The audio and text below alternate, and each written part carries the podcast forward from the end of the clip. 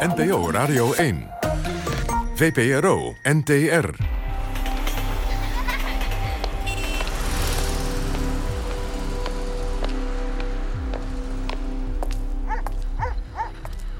Radiodoc met Code Kloet.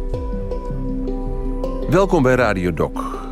Babbeltruc. Ik vind dat zo'n mooi woord. Babbeltruc.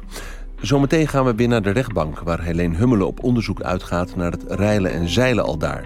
En vandaag doet ze dat met Stefan, die al eerder in de rechtszaal verscheen in verband met babbeltrucs.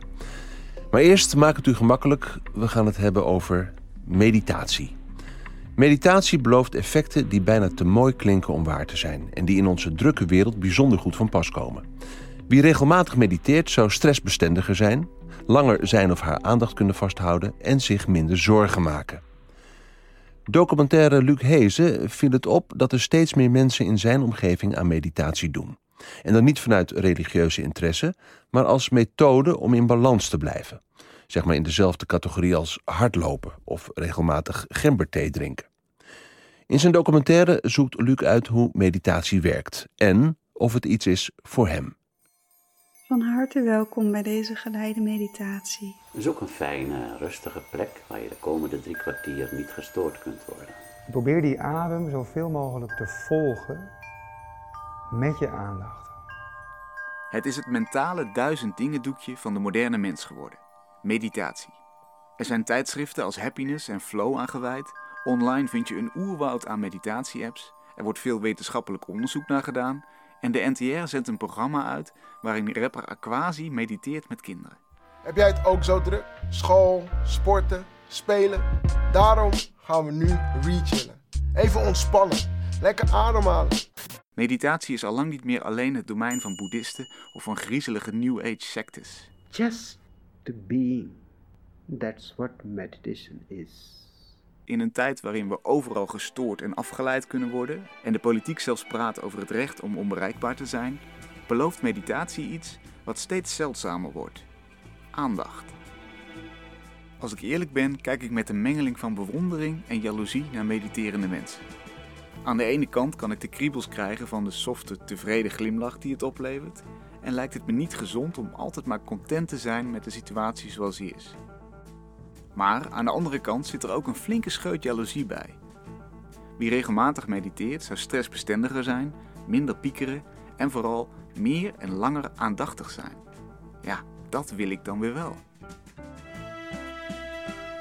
Hoog tijd dus om die aannames van mij eens aan een test te onderwerpen.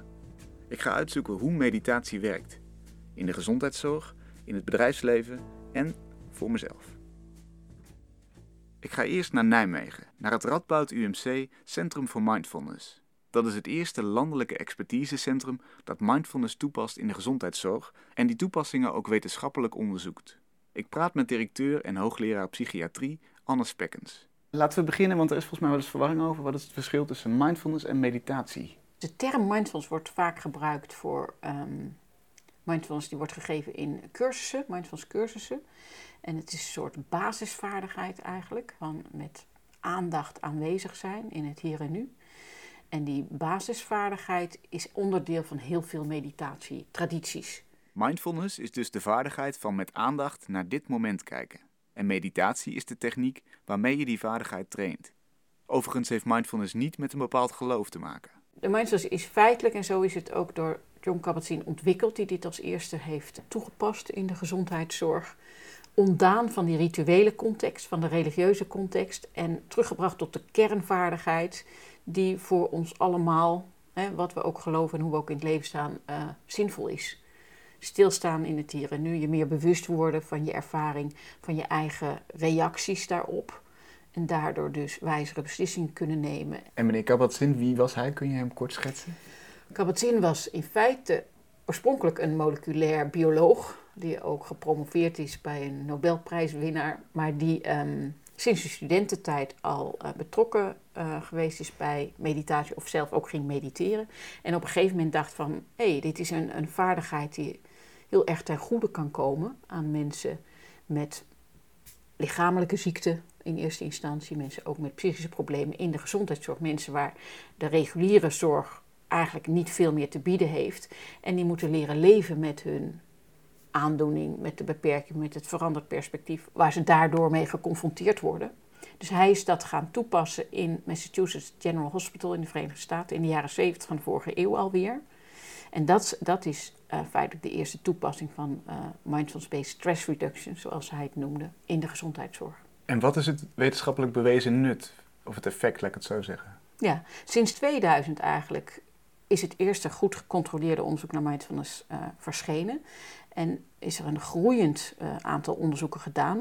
De evidentie voor mindfulness is echt exponentieel gegroeid. We hadden in juli van dit jaar een groot internationaal congres over mindfulness in Amsterdam. Daar bleek hoe eigenlijk de kwaliteit van het onderzoek wat naar mindfulness gebeurt toeneemt. En een laatste meta-analyse, wat een uh, onderzoek is waar je alle voorafgaande onderzoeken naar mindfulness accumuleert, als het ware, waardoor je veel betrouwbaardere conclusies kunt trekken, liet zien dat mindfulness helpt bij depressieve klachten, bij angstklachten, bij stress, bij chronische pijn, verslaving.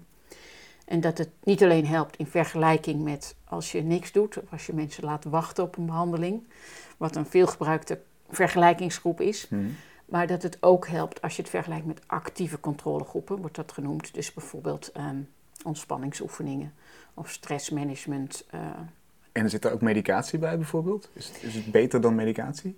Nee, het is niet beter dan medicatie, maar het is wel even goed als medicatie. En ook bijvoorbeeld als cognitieve gedragstherapie.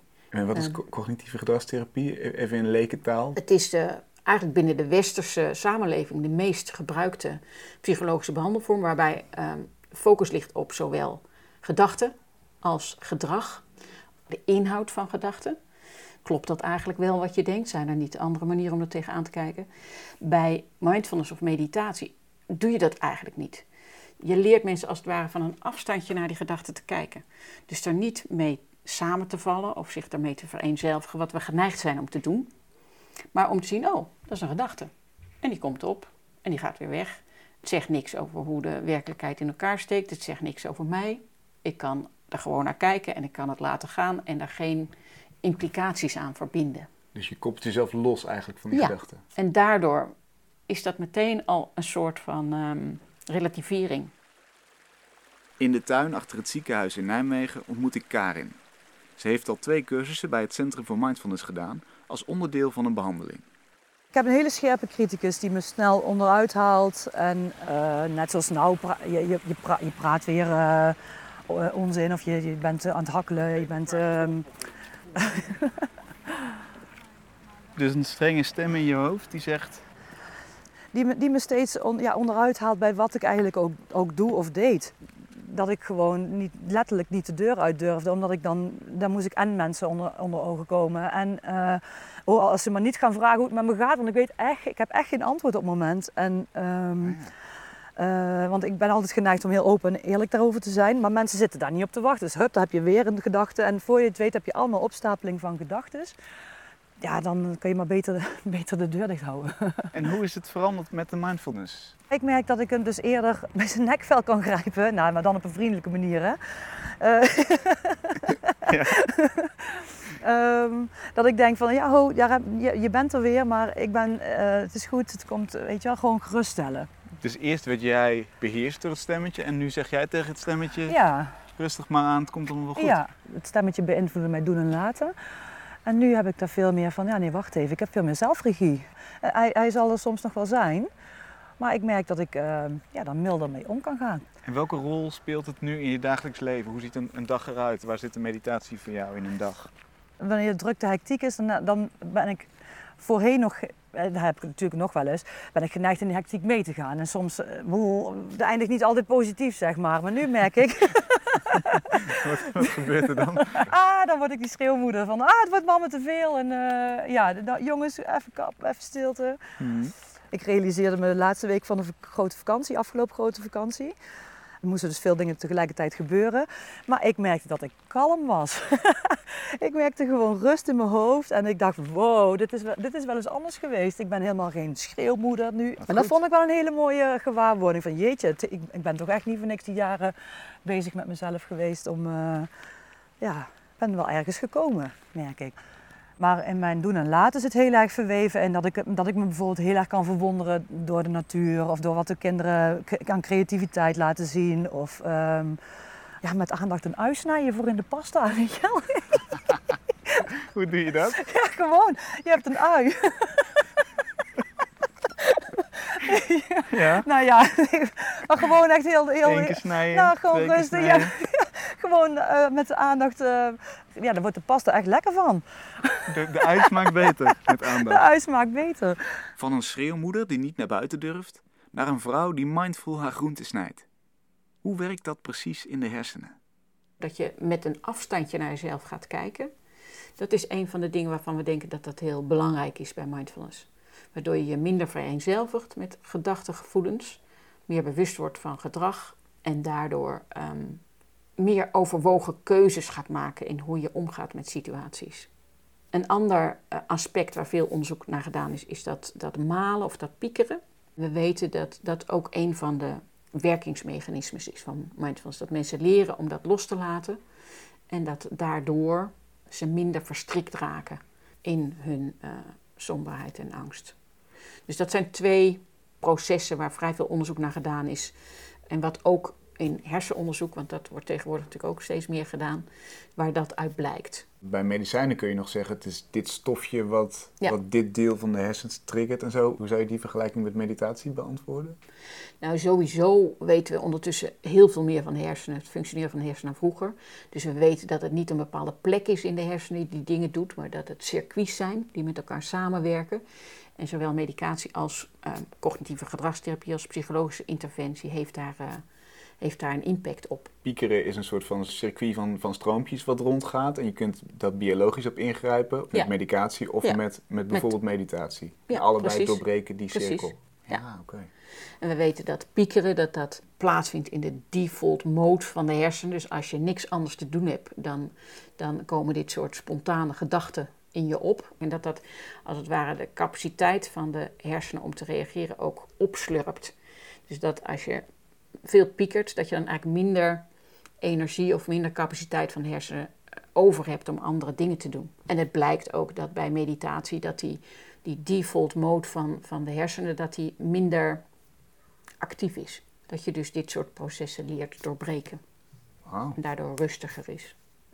Dit, dit lijken me allemaal heel positieve dingen om te ontzenuwen als het ware. Maar ik ben ook een beetje bang voor dat als je dit heel erg doet, dat je dan je, je, je passie kwijt kan raken. Of je, je drive. Snap je dat? Je niks meer wil veranderen omdat je toch al best wel tevreden bent. Dat is een veel voorkomend misverstand over mindfulness. Dat het juist gaat over dat, dat je niks meer hoeft te doen of zo. Ja. Of dat het gaat over acceptatie. Ja. is niet waar. Nee, mijn ervaring is dat eh, als je bewuster wordt van ehm, jezelf, van je ervaring, van hoe je, hoe je met dingen omgaat, dat je daar ook, dat je ook bewuster wordt van die drijfveren. Hè, van wat, wat je eigenlijk belangrijk vindt. En dat je van daaruit juist eh, je leven zo kunt leiden dat je het meer ten dienste stelt van de dingen die jij, waarvan jij voelt dat je daar eh, goed kunt doen. Oké, ik ga aan de slag. Ik zoek een meditatiecursus die losstaat van religie, die ik zelfstandig kan doen en die gratis is. Want een achtweekse cursus op locatie kost al gauw tussen de 120 en de 300 euro. Online is er een enorm aanbod van apps, sommige gratis, zoals Let's Meditate of de Free Guided Meditation. Voor andere moet je flink betalen. De populaire app Headspace bijvoorbeeld geeft je een paar korte geleide meditaties gratis, maar vervolgens betaal je een tientje per maand voor een abonnement. En de apps van John Kabat-Zinn zelf kosten 9 euro per stuk voor maar 5 geleide meditaties. En misschien zijn het geen eens gekke prijzen, maar ik vind het wel irritant en ook ironisch dat ik voor het creëren van rust naar mijn smartphone moet grijpen, uitgerekend de grootste stoorzender in mijn leven. En dus valt de keuze uiteindelijk op een gratis online cursus, uitgewerkt door een Amerikaanse psychotherapeut, volgens de wetenschappelijk onderzochte methode van Kabat-Zinn. En, niet onbelangrijk, iemand wiens stem ik kan verdragen. This meditation can be done either sitting or lying down. As we begin, noticing the support you're receiving from what you're sitting or lying on. De eerste weken mediteren zijn behoorlijk lastig. Het blijkt in mijn hoofd een soort draaikolk te zijn van gedachten en flarden van zinnen en geluiden. Er flitst bijvoorbeeld tijdens één meditatie voorbij, in precies deze volgorde, de jubileumviering van mijn basisschool toen ik zes was, een fietstocht in de regen de heuvel op net buiten Maastricht van vorig jaar herfst, de bakker waar ik vroeger met mijn moeder een sausijzenbroodje haalde en wat zijn mijn darmen aan het rommelen. Ondertussen probeert er een liedje mijn hoofd binnen te dringen dat ik steeds met moeite kan wegduwen. Maar ik ga natuurlijk door, al was het maar omdat heel wat succesvolle mensen me voorgingen in meditatie. Madonna, Paul McCartney, Kendrick Lamar, Steve Jobs, Martin Scorsese, Michael Jordan, maar bijvoorbeeld ook de immens populaire historicus en filosoof Yuval Noah Harari. Meditatie hielp hem, naar eigen zeggen, om zijn bestsellers Sapiens, Homo Deus en 21 lessen voor de 21ste eeuw te schrijven. If I can't observe the reality of my own breath for 10 seconds, how can I hope to observe the reality of the global political system or of the global economic system? And I don't think I could have written any of my books without the help of the focus and the discipline the, and, the, and the clarity that this kind of meditation uh, gives. En ook in Nederland is meditatie populair. Uit onderzoek dat de afgelopen vijf jaar aan de Vrije Universiteit is gedaan, blijkt dat tussen de 16 en de 19 procent van alle Nederlanders wel eens aan meditatie doet. En sommigen kiezen daarbij voor een wel heel strikt regime, zoals de 28-jarige Michelle. Ze deed de retraite van 10 dagen in een huis in België om zich in volledige stilte aan Vipassana te wijden, een traditionele boeddhistische meditatiemethode. Ja, Centraal Station, het rustigste plekje van Amsterdam. Ik dacht dat is een goede plek om het over meditatie te hebben. Ja. Je hebt, je hebt een cursus gedaan, toch? Ja, ik heb een Vipassana cursus gedaan. S ochtends om vier uur klonk de gong en uh, om half vijf werd je dan verwacht om te gaan mediteren tot uh, een uur of negen s'avonds. Wow. En dan om half tien uh, s'avonds gingen de lichten uit en, en kon je slapen. Maar dat is van, van half vijf tot negen? Ja. Dus dat is... Ja, in totaal is het tien uur. Want je hebt dan een paar pauzes natuurlijk wel. Dat je nog kan eten en uh, even een stukje kan wandelen of slapen. Ik sliep ook veel. Dat is toch super heftig? Ja, dat was ook heel heftig. Had je ervaring van tevoren? Ik heb de cliché-app Headspace. En op een gegeven moment dacht ik, ja, misschien moet ik, gewoon, moet ik het een keer goed aanpakken. Want ik haal, dit is tien minuutjes, ik haal hier al best wel veel uit.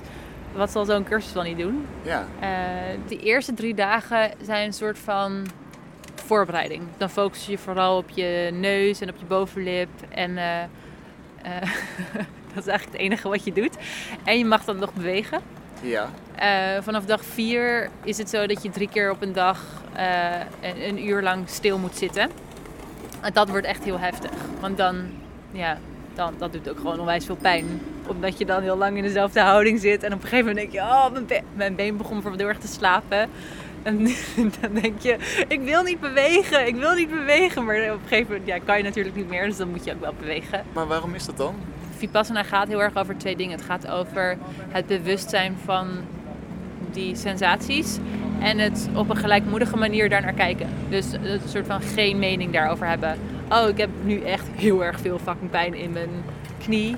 Maar dat is gewoon een sensatie. Dus er op een soort van hele neutrale manier naar kijken. En afstand nemen daarvan ook. Ja, precies. En dan weer doorgaan naar een volgende plek en kijken, oh, dat is eigenlijk een heel lekker gevoel. Maar dan dat ook weer niet als een lekker gevoel ervaren, maar ook weer als een gevoel.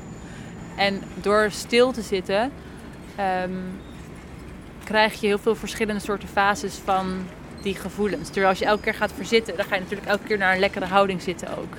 Dus dan maak je minder intense gevoelens mee, denk ik. Ja. Het was voor mij wel een confrontatie met mezelf. Hoe, hoe werkt dat? Kun je me daar eens in meenemen? Is dat meteen de eerste dag al? Of, of, of na twee, drie, vier, vijf dagen? Op dag drie. Ik ben, ik ben heel erg bang voor spinnen. Extreem bang. Uh, en op dag drie kreeg ik elke keer als ik mijn ogen dicht deed. Sowieso dacht ik echt de hele tijd: holy fuck, je geest ziet echt zo. Je ziet je van je hele leven voorbij flitsen. En je, je hebt heel veel gekke fantasie, omdat je zoveel tijd hebt om weg te dromen. Maar goed, op dag drie, uh, elke keer als ik mijn ogen dicht deed, of uh, s'avonds als ik in bed lag, of als ik tijdens het mediteren wegdroomde, want ja, dat gebeurt wel eens dat je even niet meer kan focussen op je lichaam, dan, uh, dan zag ik heel veel spinnen voor me. En echt zo gruwelijk dat ze uit mijn mond kwamen lopen en spinnen zonder ogen die soort van overal rondliepen en spinnen die me aanvielen en in mijn bed lagen naast me. Maar ik dacht, oké, dat gaat wel weg. Maar dat bleef, dat bleef. Dus ik dacht, oké, ik moet eigenlijk wel even checken of dit normaal is. Toen vertelde de docent mij dat het best wel normaal is dat er angsten die je hebt, bijvoorbeeld dat die naar boven komen. En dat ik die gewoon moest verwelkomen. En dan weer naast me neer moest leggen en zeggen: hé, hey, ik ben even bezig met mijn gewaarwordingen. Dus uh, weet je wel, later. Dus zo heb ik er dus heel erg, heb ik mezelf een beetje geprobeerd te trainen. Elke keer als ik een spin zag, dat ik dacht: ah, oké, blijf er maar even lekker hangen of zo. Of als, ga maar even daar chillen naast me. Ik ben er wel op een andere manier naar gaan kijken. Van, oh ja, ik hoef er niet per se heel panisch op te reageren. Het zijn ook maar gewoon uh, spinnen. Ik heb heel erg geleerd om vooral te kijken naar hoe ik op dingen reageer. En waarom ik op zoiets reageer. Zeg maar, als mijn vriend iets doet wat ik niet leuk vind en daar reageer ik aan relaxed op. Dat is dan helemaal mij. Dat is niet omdat hij uh, de afwas niet heeft gedaan of whatever. Maar dat is omdat ik dat irritant vind dat hij dat niet doet. Het kan toch ook heel irritant zijn als iemand de afwas niet doet? Jawel, ja. Maar daar kan je natuurlijk op verschillende manieren op reageren. Oh ja. Ik denk ook heel erg niet in het moment reageren. Soms wel hoor. En ik denk ook dat ik nu misschien een beetje uit balans ben. Dat kan. Dat ik het nu naar zo'n verre extreme heb. Want dat vond ik wel een soort van frictie in die hele Vipassana. Dat ik dacht, ja, godverdomme, sorry. Uh, kutzooi. mag, mag ik helemaal nergens meer van genieten? Of mag ik helemaal niks meer pijnlijk vinden of zo? Maar het gaat, denk ik wel, je kan dat wel een beetje in balans brengen. Dus het heeft me echt wel dingen gebracht. Maar ik weet niet of ik nou volledig verlicht wil worden. Want ja, wat, wat, is er dan nog, wat blijft er nog over? Die passie is ook, zo, ja, ja, precies. Dat is ook fantastisch. Alleen het moet gewoon niet te extreem zijn. Kun je dan die Vipassana-methode uh, zien als een van noodrem of zo? Of als het te intens wordt, die emoties of die gedachten? Ja, misschien. Ja, misschien wel, ja. ja. Een noodrem op je emoties kunnen zetten klinkt als een machtig hulpmiddel. Maar zo hallucineren dat de spinnen uit je mond komen kruipen? Toch nog even terug naar Anna Spekkens in het Radboudziekenhuis. Kan meditatie ook gevaarlijk zijn? Gevaarlijk is een groot woord, hoewel um, zeker bij intensievere retraits we wel zien dat mensen daarvan kunnen ontregelen. En, en mensen met bijvoorbeeld een psychotische kwetsbaarheid, die wij in deze praktijk, ik werk hier op een afdeling psychiatrie en ik ben psychiater, we natuurlijk vaker zien, weten we wel dat um, er een grotere kans is dat mensen psychotisch kunnen worden van een retreat. Je krijgt minder stimuli binnen. Je zit stil, je doet je ogen dicht, je, ziet niks. Dus er is veel meer ruimte om, om denkbeelden zich te laten ontwikkelen. En dat is natuurlijk ook gevaarlijk. Maar in de mindfulness cursussen zoals wij die geven, die zijn heel gestructureerd. De oefeningen zijn gestructureerd en ook kort na de oefeningen wisselen we meteen van gedachten met de deelnemers over hun ervaringen, wat ze tegenkomen, hoe ze daarmee omgaan, wat behulpzaam is en niet behulpzaam is. Maar ook daar, ik noemde net al ongemak en pijn, dat is iets, en mensen met lichamelijke ziekte, daar kan dat heel confronterend zijn. We geven hier groepen aan mensen met Parkinson. Nou, drie kwartier letten op je lichaam is voor mensen met Parkinson of mensen met kanker heel beangstigend. Dan is er ruimte voor emoties om op te komen, die je misschien in het dagelijks leven een beetje weg probeert te krijgen door druk te doen of door er niet aan te denken. En dat is niet gevaarlijk, maar het is wel wenselijk dat mensen mogelijkheden krijgen aangereikt om daar goed mee om te gaan. En dat ze er niet door overspoeld worden of overrompeld. Of als dat gebeurt, denken, nou, dit is niks voor mij, daar ga ik mee stoppen. Want het gaat juist wel om zijn bij dat soort emoties. En daar leren wat meer soep van te koken. Dat kun je alleen door het toe te laten. En begeleiding daarbij is belangrijk. En behalve voor deze mogelijke psychische gevolgen, zijn er ook mensen die waarschuwen voor maatschappelijke gevolgen. Bijvoorbeeld als het gaat over hoe meditatie zich tot ons werk verhoudt. Je hoort Thijs Lijster, filosoof en docent kunst- en cultuurfilosofie aan de Rijksuniversiteit Groningen. Als je als voorbeeld neemt stress op de werkvloer, als uh, de halve samenleving met uh, coaches en uh, meditatietrainingen en mindfulness bezig is om maar in het reinen te komen met, met de competitie en de red race, dan kun je natuurlijk afvragen of we niet moeten spreken van een maatschappelijk probleem. Wat inderdaad op een, op een maatschappelijk niveau ook aangepakt moet worden. En dat is natuurlijk waar in wezen fenomenen als mindfulness en meditatie tekortschieten, omdat het inderdaad je op een individueel niveau helpt, maar niets verandert in de samenleving. Tegelijkertijd zou je kunnen denken, ja, als het wetenschappelijk bewezen is en ik heb er daadwerkelijk effect van, dan, ben ik mezelf te stom of als ik het niet doe. Nou, dat is natuurlijk zo. Hè? En, en ik, ik, denk zeker dat uh, als mensen daarbij gebaat zijn, dan moeten ze dat vooral doen. Ik heb het wat dat betreft niet over individuele keuzes, maar, maar over maatschappelijke structuren. Om een voorbeeld te noemen, aan de universiteiten en hogescholen uh, is men aan het actie voeren tegen werkdruk in, in het hoger onderwijs. Daar is nu het bewustzijn dat, daar, dat we tegen grenzen aan zijn gelopen, dat de rector eigenlijk gewoon uit is. Maar dat heeft wel enige tijd geduurd. En tot die tijd kregen we voortdurend de brochures met uh, meditatie en uh, stoelmassage en mindfulness cursus en zo. Dan word je heel erg op jezelf teruggeworpen. Van deal maar met de werkdruk die er is. Dat is natuurlijk in wezen een, een ideologische keuze om het individu verantwoordelijk te houden voor uh, issues die in wezen structureel en collectief zijn heeft denk ik ook te maken met de veranderende aard van arbeid. Misschien tot kort na de oorlog waren heel veel mensen vooral met hun handen bezig. Die, die maakten auto's of stofzuigers of noem maar, op. En sindsdien is arbeid natuurlijk steeds uh, immateriëler geworden. In de zin van dat het afhangt van uh, communicatie, van informatie. Eigenlijk steeds meer aspecten van je persoonlijkheid worden in die arbeid gestopt. Tot dan toe was het als het ware, je verkocht je lichamelijke arbeid. Mhm. Eh, en thuis kon je jezelf zijn. Maar nu moet je juist op je werk jezelf zijn. Want daar, uh, daarmee verkoop je dingen, daarmee maak je dingen. door je persoonlijkheid. meetellen. Precies, ja, Die worden essentieel voor, voor het soort van arbeid waar we mee bezig zijn. Waarmee je werk dus eigenlijk nooit ophoudt. Want ook in je vrije tijd en ook als het gaat over zingeving, dan doe je dat, als je er cynisch naar kijkt, ten dienste van dat werk. In wezen wel, ja. We klokken eigenlijk niet meer uit. Dat is in, in vrij letterlijke zin natuurlijk het, geval, omdat we voortdurend nog met mailtjes bezig zijn op onze smartphone en zo, om, om die ook uh, s'avonds nog, uh, nog te beantwoorden. Maar inderdaad ook de meer mentale processen waarmee heel veel van het werk tegenwoordig gedaan wordt, dat vindt ook voor een groot deel buiten die 9 tot 5 tijd plaats. Dus daarom heb ik in mijn boek heb ik het over de totaalmens.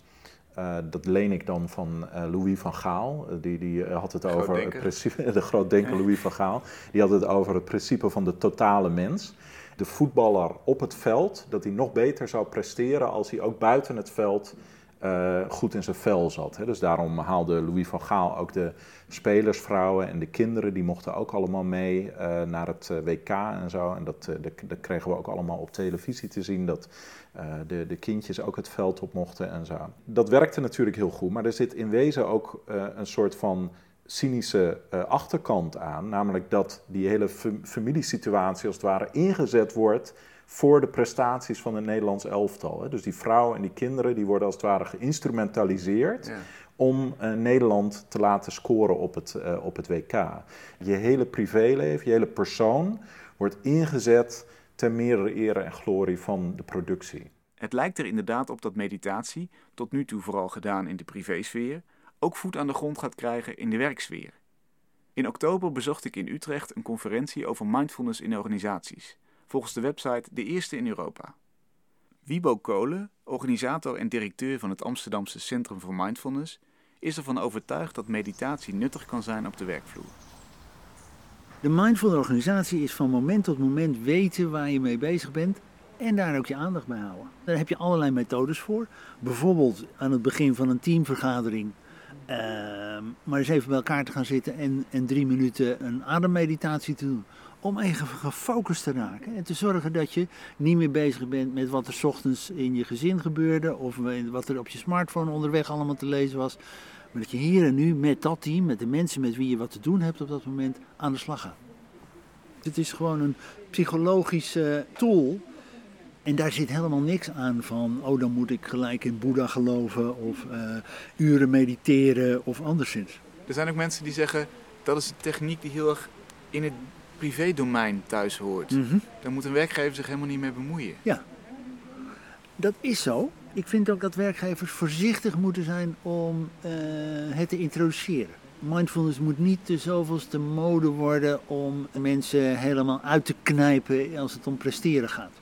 Dus mindfulness is alleen maar zinvol als je ook de ethische kant die eraan vast zit, namelijk uh, op een menselijke manier met elkaar omgaan in de organisaties, als je die tegelijkertijd uh, uh, meeneemt.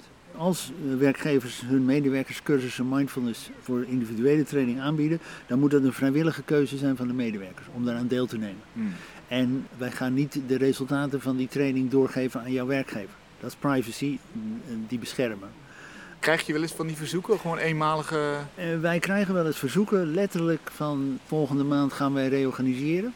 Kunnen jullie onze medewerkers dan ook een dag mindfulness training geven, zodat ze er beter tegen kunnen? Wow. Nou begin ik eerlijk gezegd altijd een beetje te lachen, omdat ik dat een soort beschamend vorm van uh, uh, beleid vind van een organisatie. Dan is het gewoon een schaamlap of een doekje voor het bloeden. En dan zeg ik me ook nee, daar beginnen we niet aan. Zo. De achtergrond van het publiek en de deelnemers aan de conferentie is divers. Zo tref ik een ambtenaar van de gemeente Den Haag, een psycholoog en een docent van een hogeschool in Leeuwarden. Ook spreek ik twee ziekenhuisbestuurders en een mindfulness trainer. Ik ben Carine Hilders, directievoorzitter van het Reinier de Graaf Gasthuis in Delft en hoogleraar aan de Erasmus Universiteit. We bieden al ja, best wel lange tijd allerlei trainingen aan. Dat gaat over de mindfulness trainingen of yoga. En we zijn nu echt met een programma bezig, dat noemen we Mindfit. En dat gaat echt over het leren mediteren, het leren uh, tussendoor pauzes nemen en eigenlijk de middelen aanreiken om in een goede balans te blijven en in de goede energie te blijven om de beste zorg voor de patiënt te kunnen blijven leveren. Hoe bewerkstelligt mindfulness dat? Door zelf te ervaren dat aandacht voor jezelf eigenlijk heel belangrijk is, waarna je ook goede aandacht aan die ander kan geven. Mhm. En zo simpel als in het vliegtuig, zet eerst zelf je zuurstofmasker op en dan bij die ander.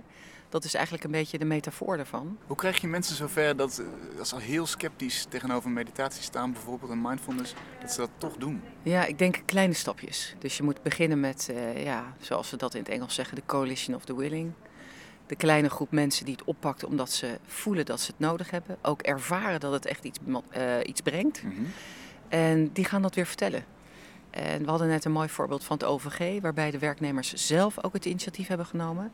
Ja, dat is fantastisch, want dan gaat het als een olievlek door je organisatie.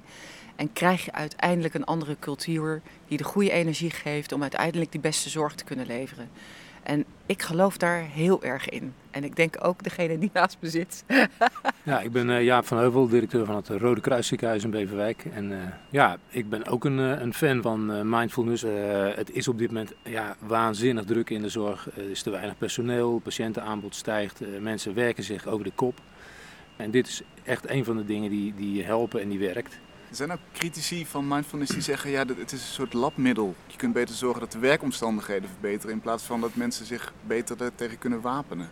Nou, twee dingen. Allereerst moeten we natuurlijk ook aan de werkomstandigheden werken, dat doen we ook. Maar die mogelijkheden zijn nu beperkt, omdat je gewoon ja, te weinig mensen hebt en soms gewoon de ene ambulance naar de andere echt letterlijk naar binnen rijden. Ja, het andere is dat het, het werkt gewoon, uh, het, dit werkt echt. Hè. Je, je helpt mensen om hun, om, uh, om hun, hun geest uh, tot rust te brengen. Niet, niet maar door te denderen in je hoofd en, en even die pauze te nemen en even te zeggen stop. Mijn naam is Leonie Stekelenburg en ik ben van Mindful Biz. En wij doen mindfulness als basis voor leren en ontwikkelen in organisaties. Ik heb heel erg het idee dat dit altijd een beetje een privé kwestie was.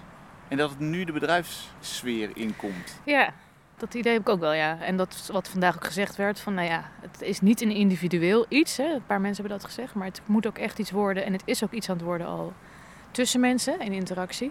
En dat is wel waar, ja, waar het nu een beetje begint te borrelen, volgens mij. Is dat een goede zaak, denk je? Ja, zeker. Ja. ja ik waarom? Heb, nou, ik heb zelf ook heel lang in het bedrijfsleven gewerkt. En het is gewoon we zijn met elkaar zo, als je ziet wat in de wereld gebeurt, zo bezig met vanuit oordeel en mening en je eigen perspectief elkaar te bevechten vaak. Uh, door stress, door drukte. Terwijl vertragen, rust nemen, begrijpen, compassie. Ja, dat is gewoon essentieel om juist met elkaar tot constructieve oplossingen te komen. En er is nogal wat op te lossen in de wereld. Dus, uh, ja. Er zullen ook heel veel mensen zijn die zeggen: ja, dat zweverige gedoe valt mij daar niet meer lastig op mijn werk. Ja, ja, nou wat ik ook merkte toen ik zelf wegging, ik werkte bij Philips op het laatst. En toen ging ik toegeven wat ik dan ging doen. En toen heb ik echt letterlijk wel een hele afdeling van 20 mensen bij wijze van spreken iedereen één voor één op schoot gehad om te, hun confessie te horen dat ze stiekem thuis ook wel zoiets deden. En het eigenlijk wel heel mooi zouden vinden als. Maar ja, je kan niet je hele zelf meenemen naar het werk. Daar komt het eigenlijk op neer. In die acht weken dat ik de meditatiecursus heb gevolgd, heb ik me echt wel eens geërgerd aan zalvende meditatiestemmen of zweverige uitspraken. Maar toen ik eenmaal had besloten om dat deel te negeren en me op de kale techniek te richten, kon ik wel effect merken. Bijvoorbeeld als ik tijdens de montage van deze documentaire even vastzat en zin had om afleiding te zoeken, kon ik dat opmerken en mezelf weer terug aan het werk sturen. En na een paar weken bodyscan was ik inderdaad scherper in staat om op te merken wat er allemaal aan de gang was in mijn lichaam. Maar het krachtigste effect ondervond ik op reis door Japan. We verblijven in Toyoka aan de westkust, een 140 kilometer schuin boven Kyoto. Omdat het net te koud is om in de zee te zwemmen, maken we een wandeling over een schiereiland, naar de vuurtoren die helemaal op het verste puntje staat. Maar het pad is slechter begaanbaar dan ik dacht. En het stijgt en daalt en stijgt. Mijn hoogtevrees en ik schuifelen achter mijn vriendin aan over het smalle pad. Vanaf 141 meter hoogte kijk ik aan beide kanten langs de steile rotswand de zee in. Leuk feitje trouwens, als je wordt overvallen door duizeligheid en zweetaanvallen, verandert je stem in die van een bange kleuter. Ja, maar hier is geen handvat. Dit? Het is heel smal. Ja, dat vind ik niet zo leuk. Wil je hier niet af? Echt niet. Hm. Nou, probeer het wel even. Je kan ook die boompjes vasthouden. Ja. Niet te snel. Nee, dit ik wel een beetje af de punt. Ja. Zie je een toren? Ja. We zitten hoger dan de vuurtoren. Nou, dat had ik in mijn leven ook nog nooit verwacht dat ik dat zou meemaken. Eigenlijk moeten we nou mediteren en dan kijken of die terugweg net zo kut is. Oh ja, goeie. Niet helemaal aan de rand hoor. Op het uiterste puntje, aan de voet van een vuurtoren en met onder ons en om ons heen alleen maar zee, mediteerden we 20 minuten. De sitting meditation doen we. Oké. Alleen onderbroken door een oude wandelende Japanse man die zo schrok van die twee mediterende figuren dat hij meteen weer rechtsomkeerd maakte. Dankjewel.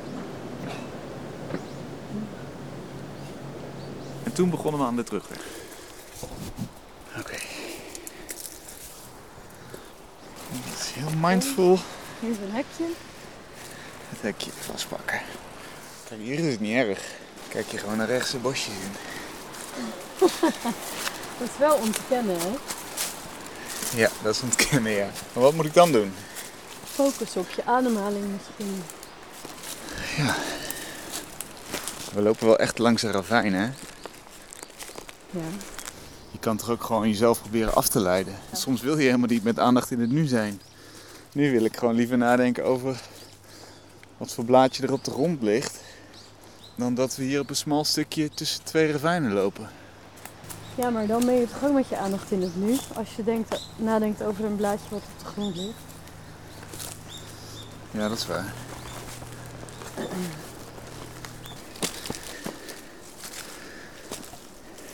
Je lijkt wel ontspannender. Ja? Ja. Ik kan me wel beter op die stenen concentreren nu.